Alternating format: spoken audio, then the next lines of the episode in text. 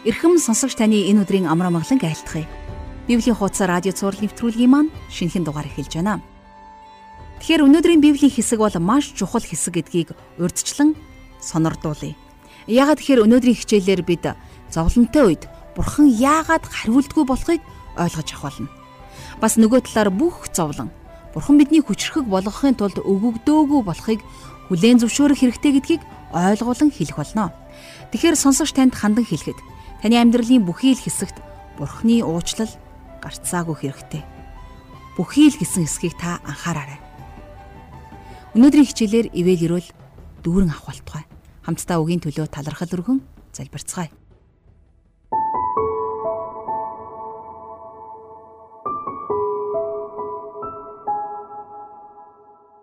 Хайртай эзэн минь таньда өнөөдрийн хичээлийн төлөө талархаж байна. Тимээ аваа энэ цагт та бидэнтэй хамт байж бидэнд та өөрийнхөө үгийг өгөөч. Итгэж бидний итгэлийн амьдрал тохиолддог хүнд хэцүү асуудлуудыг бид хэрхэн даван туулах ёстойг та энэ цагт бидэнд ойлгуулж өгөөрэй. Тэгээд эзэн бид таны нэрийн улмаас хавчэгдан гадуурхагдж доромжлогдсон зовсон ч гэсэн бид танд өөрийгөө бүрэн дүүрэн даатгаж урам зоригтойгоор алхахын тулд та энэ цагт өөрийн үгээрээ биднийг тэнхрүүлэн босгоорой. Таньда үгийн цагийг үргэж эзэн Есүсийн нэрээр залбирanгуйч байна. Амен. Ингээд хамтдаа жаргалах шийчэлд анхаарлаа хандуулъя. За Петрийн загтлыг хамтдаа судалж байгаа эрхэм танд маш их баярлалаа. Өнөөдөр бид хичээлээ 1-р Петрийн 4-р бүлгийн 13 дугаар ишлэлээр эхлүүлж байна. Харин Христийн зовлонг хуваалцдагта баярл. Ингэснээр мөн түүний алдар илчлэгдэхэд та нар хөөрөн баярлах юм аа. Та бид нар итгэлийн амьдралд тохиолдож байгаа зовлон бэрхшээлд яагаад баярлах ёстой юм бэ? Яагаад гэх юм бол зовлон биднийг Христийн дахин ирэлтэнд бэлтгэж байдаг юм аа. Илч Паул Ромотынд бичсэн загтлынхаа 8 дугаар бүлгийн 17 дугаар ишлэлээр хэлэхдээ хэрвээ бид хүүхдүүд нь юм бол өв залгамжлагчт нь ч гэсэн бас мөн. Христтэй хамт алдаршуулгадахын тулд хэрвээ бид нар үнэхээр түүнтэй хамт зовдөг юм бол бид Бурхны өв залгамжлагчд бөгөөд Христийн хамтран залгамжлагчд юмаа гэсэн байдаг. Тэгэхээр итгэвч бид нар нэг зүйлийг хатуу ойлгох хэрэгтэй. Итгэлийн амьдралыг амар хялбар болгодог арын хаалга гэж байдаггүй маа. Амархан хялбар зам гэж байхгүй. Та бидний итгэлийн амьдрал бол сүнслэг тэмцэл болохоос биш зугаалга биш. Эзний төлөө зовх нь та бидэнд өгөгдсөн гэж Библиэлд маш тодорхой бичсэн байна. Тэгэхээр та бидний амьдрал тохиолдож байгаа зовлон бэрхшээл бүрийн цаад шалтгааныг хэдийгээр бид нар дандаа мэдээд байдаггүй ч гэсэн хожим дараа нь эзний оршихуд зогсохдоо бид нар тэр бүхний жинхэнэ утга учирыг мэдэх болно. Илч Паулч тэр Петрч тэр бүгд л итгэлийнхээ төлөө аимшигтай зовлон бэрхшээлийг туулсан. Тэдний эдэлсэн зовлонгийн дэргэд өнөөдрийн та бидний зовлон гээд байгаа зүйл үнэндээ юу ч биш. Зовлон бол та бидний итгэлийн амьдралын салшгүй нэгэн хэсэг гэдгийг Библи бидэнд тодорхой хэлдэг. Зовлон бэрхшээл та биднийг босхон байгуулж, өсгөж, төлөвшүүлж байдаг. Итгэгчдийн амьдрал дандаа дардан, шулуун, итгэгчдийн гэр бүл дандаа аз жаргалтай байна гэж бодож байгаа бол та эндүрч байна. Бурхан та бидний амьдралд хүнд хэцүү асуудал, зовлон бэрхшээл тохиолдохыг зөвшөөрдөг. Гэхдээ хамгийн гайхамшигтай нь тэр бүхний цаана Бурхан ажилласаар байдаг. Ингээд эргээд харахад тэр бүх зовлон бэрхшээлтэй байсан мөчүүд та бидний амьдралд Бурханы ивэл өрөөлийг дурсах, санах, нандин дурсамж болон хоцордог юм аа. 14-р эшлэлдэр Петр та нар Христийн нэрээс болж зүхэгдвээс ерөөлтөө. Учир нь алдрын ба Бурхны сүнс та нарын дээр оршдгоо. За энэ бол үнэхээр гайхамшигтай үг шүү. Энэ үг биднэрт үнэхээр гайхамшигтай урам зориг өгдөг. Тэгэхээр Петр нэг зүйлийг маш сайн мэдэж байсан. Итгэгч хүний амьдралд зовлон бэрхшээл тулгарч байгаа нь тэр хүнийг бурхны хүүхэд мөн болохыг баталж байдаг. Нөгөө талаас тэр бүх зовлон бэрхшээлийг даван туулах хүчийг бурхан өөрөө өөрийнхөө хүүхдүүдэд өгдөг. Хэрвээ таны бүх зам дардан шулуун байгаад байх юм бол танд ямар ч зовлон бэрхшээл тулгархгүй байгаа бол та бурхны хүүхэд үнэхээр мөн үү гэдэгт эргэлзээтэй болно гэсэн үг. Яагаад гэвэл бурхан өөрийнхөө хүүхдүүдэд лав ингэж ханддаггүй. Та бидэнд юус тохиолдсон бай? Бид нэр тэр зүйлээр дамжуулан бурхныг алдаршуулж болно. Бидний амьдрал тохиолдож байгаа зовлон бэрхшээлээр дамжуулаад бид нар бурхныг алдаршуулах боломжтой шүү гэдгийг та битгий мартаарай. 15 дугаар ишлэлдэр та нараас хинэнч алуурчин эсвэл хулгайч эсвэл муу мухайг үйлдэгч эсвэл бусдын хэрэгт хушууд үрдэг нэгэн мэт битгий завг. Алуурчин хулгайч ховжив тараагч нарыг яг нэг төвшөнд Петр авч үдсэн байна тийм ээ. Петр эдгээр гим нүглийг яг л адилхан гэж үдсэн байна. За Илж Паул ч гэсэн бас л яг л ийм зүйлийг хэлдэг. Яаков ч ялгаагүй. Тэгэхээр үнэн дээр Петр, Паул, Яаков бүгдээрээ л яг адилхан зүйлийг бичиж байсан байна. Яагад гэвэл тэд нэг л сайн мэдээнд итгэж байсан. Тэд нэг л сайн мэдээний дагуу амьдарч байсан. За тэгэхээр Петр энд та бидэнд хандаж хэлэхдээ бид нарыг гим нүгэл үүдчгээд түүнээсээ болж зовлон эдэлдэг хүмүүс байж болохгүй гэж хэлсэн байна.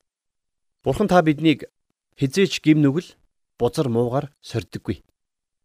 Тэгэхээр энэхүү загталтай Петр Итгэгч та биднийг гим нүгэл үлдээд тэгээд тэрнээсээ болж ирсэн зовлон бэрхшээлийг төсвөрлөлээч гэсэн энэнд ямар ч цаашаал байхгүй гэдгийг хэлсэн байсан. А яг энэ санаагаа тэрээр саяын 15 дугаар ишлэлдэр давтан хэлсэн байна. 16 дугаар ишлэлдэр хэрвээ Христ итгэгч гэдгээсээ болж зовдөг бол битгий ич. Харин энэхүү нэрээрээ Бурхныг алдаршуул. Өнөөдөр онцгойлоод Христэд итгэгч гэдэг нэрийнхээ улмаас хавчигдан зовж байгаа итгэгчид олон байна. Бид нэр тийм итгэгчдийг хайрлаж тэдний төлөө залбирдаг. Бид нар энэ нэрийн төлөө зовлон идэлхтэй ичиж зовж эсвэл зүрх алдан шантрах хэрэггүй. Харин ч бид нэр тэр зовлон донд Бурхныг алдаршуулж чадна. Харин эсрэгээр та бид нар өөрсдийнхөө хийсэн буруу үйлдэл буруу сонголтоос болоод хэрвээ зовж байгаа бол энэ нь тис өөр хэрэг шүү. А гэхдээ бид нар ийм шалтгаанаар зовлон эдэлж байсан ч гэсэн тэр зовлон дундаа бурхныг алдаршуулах боломжтой юм шүү гэдгийг битгий мартаарай. 17 дугаар ишлэлдэр учир нь шүүлт бурхны гэр бүлээс эхлэх цаг нь болжээ. Хэрв энэ нь биднээс эхэлвэл бурхны сайн мэдээнд дуулуургүйчүүдийн төгсгөл юу болох вэ? За энд Петр бидэнд нэгэн чухал зүйлийг сануулan хэлсэн байна. Учир нь шүүлт бурхны гэр бүлээс эхлэх цаг болжээ гэж бичсэн байна, тийм ээ? Итгэж та бид нар Христийн шүүлтийн өмнө зогсох болно гэдгийг энэ үгс баталж байна. За Паул ч гэсэн бас энэ талаар хэлж байсан. 2 дугаар Коринтын 5-ын 10 дугаар ишлэл дээр учир нь хүн бүр муугч, сайнийгч юу үйлснийхээ төлөө биеэрээ хариугаа авахаар бид бүгдээрээ Христийн шүүх суудлын өмнө гарч ирэх ёстой гэж хэлсэн байна. Тэгэхээр энд Илч Паул бид гэж хэлсэн нь мэдээж итгэгч та биднийг хэлсэн байна.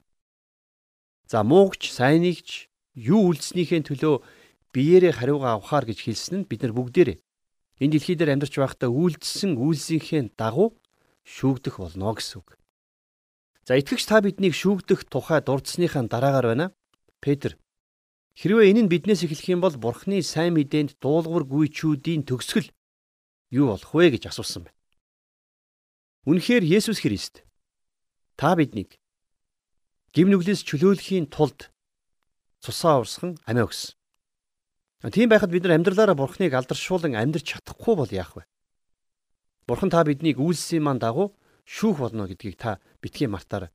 За нөгөө талаас хэрвээ Бурхан өөрийнхөө хайртай хүүхдүүдийг үйлсийнхэн дагуу шүүх юм бол итгэдэггүй хүмүүсийн дээр буух Бурханы шүүлт ер нь хэр хатуу байх болоо.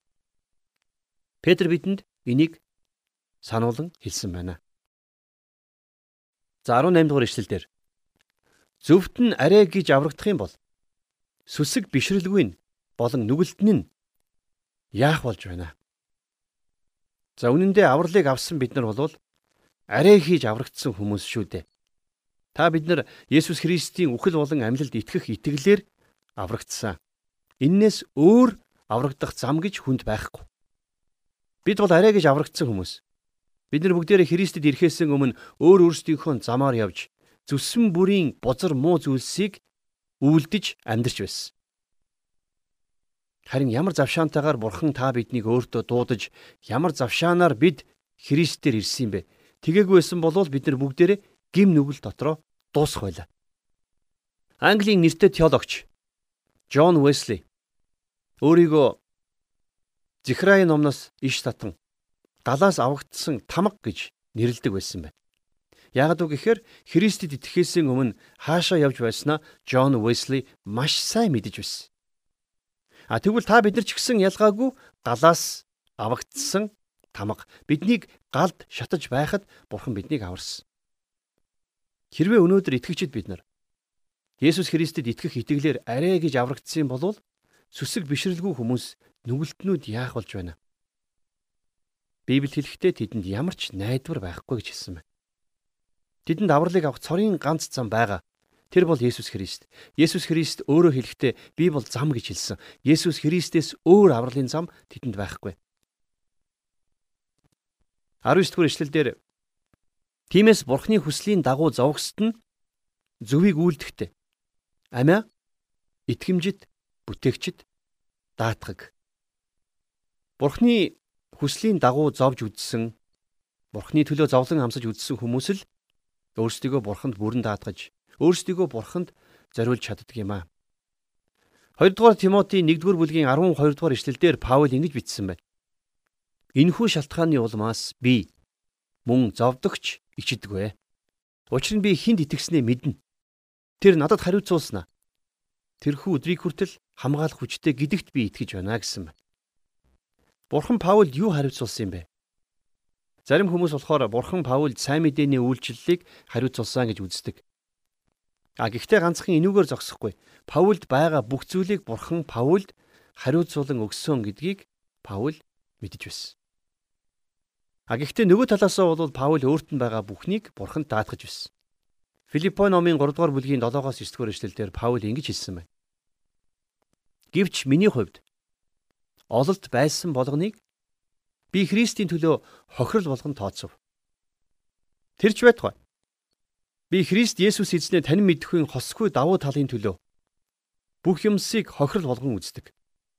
Би түүний төлөө бүх юмсийн хохирлыг амсаж тэдгэрийг хог гэж үздэг нь Христийг олохын тулд бөгөөд хуулиас гардаг өөрийнхөө зөвхт байдалтай биш. Харин Христэд итгэснээр ирдэг итгэлд суурилсан Бурхны зөвхт байдалтайгаар түүнд би олдохын тулд юм а гэж Паул үтсэн байна. Тэгэхээр Паул өөрт нь байсан бүхнийг бурхан даатгсан. Есүс Христэд итгэх итгэл дотроо өөрт нь байсан бүхнээрээ дэнчин тавьсан байна. Филиппо номын 3 дугаар бүлгийн 1-ээс 6 дугаар ишлэгийг харах юм бол Паул өөрийнх нь хувьд чухал тооцогдож байсан 8 чухал зүйлийг хойш тавьсан тухайга өгүүлж байдаг. Паул хэлэхдээ би эдгээр зүйлсд итгэж найдахаа болсон. Харин одоо зөвхөн Христэд л итгэдэг болсон гэж хэлсэн байгаа. За тэгвэл энд Илж Петр ч гэсэн бас бидэнд яг энэнтэй адилхан зүйлийг хэлсэн байгаа. Тиймээс Бурхны хүслийн дагуу зовгсод нь зөвийг үйлдэхтэй. Амиа итгэмжид бүтээгчд даатах гэж Петр хэлсэн тийм ээ. Хэрвээ бид нар эзний дотор зовхстой бол зовё гэж хэлж байна. Ингэхдээ бид нар өөрсдийн амийг итгэмжид бурхандаа даатгая гэж хэлсэн байна. Үнэн дээр бидний амь нас, бидний сүнс бурхны мутарт найдвартай атгаастай байдгаа гэдэгт бид нар итгэлтэй байх хэрэгтэй. Тэр цагт бид нар өөрсдийн амьдралдаа юу ч тохиолдож байсан урам зоригтой, итгэл найдвартай байх боломжтой болдог. Та бид нар өөрсдийн баялагийг энэ дэлхий дээр биш харин Тэнгэрт эзэн Есүст хадгалуулсан байгаа цагт бид нар үнэт зүйлсээ алднаа гэж санаа зовох хэрэггүй. Та бидний амьдралд хүнд хэцүү асуудал тулгарсан ч үхлийн харанхуй хөндийгөр туулан гарсан ч Бурхан бидэнд санаа тавих болно гэсэн итгэлээр бид нар урам зоригтой амьдарч чадах болно. Бурхан та бидний амьдралыг дандаа дардан байлгана гэж амлаагүй. Тэнгэр дандаа цэлмэг байна гэж амлаагүй. Биднийг дандаа цэцэг салгалсан хөндийгөр дагуулна гэж амлаагүй. Бурхан та биднэрт бороогүй нар, зовлонгүй жаргал, тэмцэлгүй амар тайвныг амлаагүй. Бурхан бидэнд ачаа дарамт өрүүлэхгүй гэж хэлээгүй. Сорилт руу, уруу татлахтаа хизээч учрахгүй гэж хэлээг. Бурхан та биднийг тав тухтай өргөн замаар алхуулна гэж амлаагүй. Харин Бурхан бидэнд энэ бүхнийг даван туулах хүчийг амласан. Та бидний замыг гэрэлтүүлэх гэрэл гэгийг амласан. Хүнд дарамт үүргэстэд амралтыг амласан. Зовлон бэрхшээлийн дунд нэгүслээ амласан. Биднийг хайрлах мөнхийн хайр.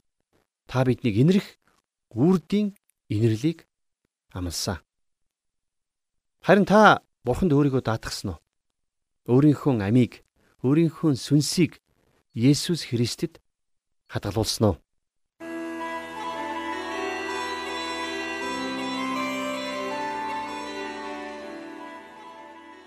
Тэгэхээр өнөөдөр бид хамтдаа 1-р Петр номын 4-р бүлгийн 13-аас 19-р ишлэлийг хамтдаа уншиж судаллаа. Олон итгэгч санамсаргүй байдлаар итгэдэггүй хүмүүсийг Бурхан чамааг шүүнэ гэж чичилж байхыг та харсан баг.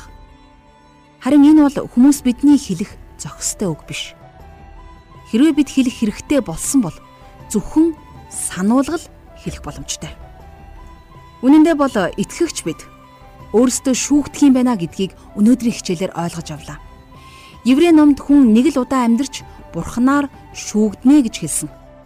Тиймээс итгэдэггүй эсвэл итгэдэг гэж нэгнээ шүүлгүүгээр бие биеэ мөнхийн тамд алдахгүй тулд хайрлаж, тусалж тэдэнд үйлчлэх хэрэгтэй. Библиэд байдаггүй боловч номлогчдын хилдэг гайхамшигтай үгсийн нэг бол үнэндээ бид нэг л хүний төлөө явдаг шүү дээ. Энэхүү урмын үгээр өнөөдрийн хичээл маань өндөрлөж байна. Үнэндээ нэг хүн болох таны төлөө асар олон хүн үйлчилж, залбирч таны төлөө бурханд хандан гуйж байгаа. Хамтдаа эзний үгийн төлөө тэдгээр хүмүүсийг санаанд дурсан талархал өргөж залбирцгаая.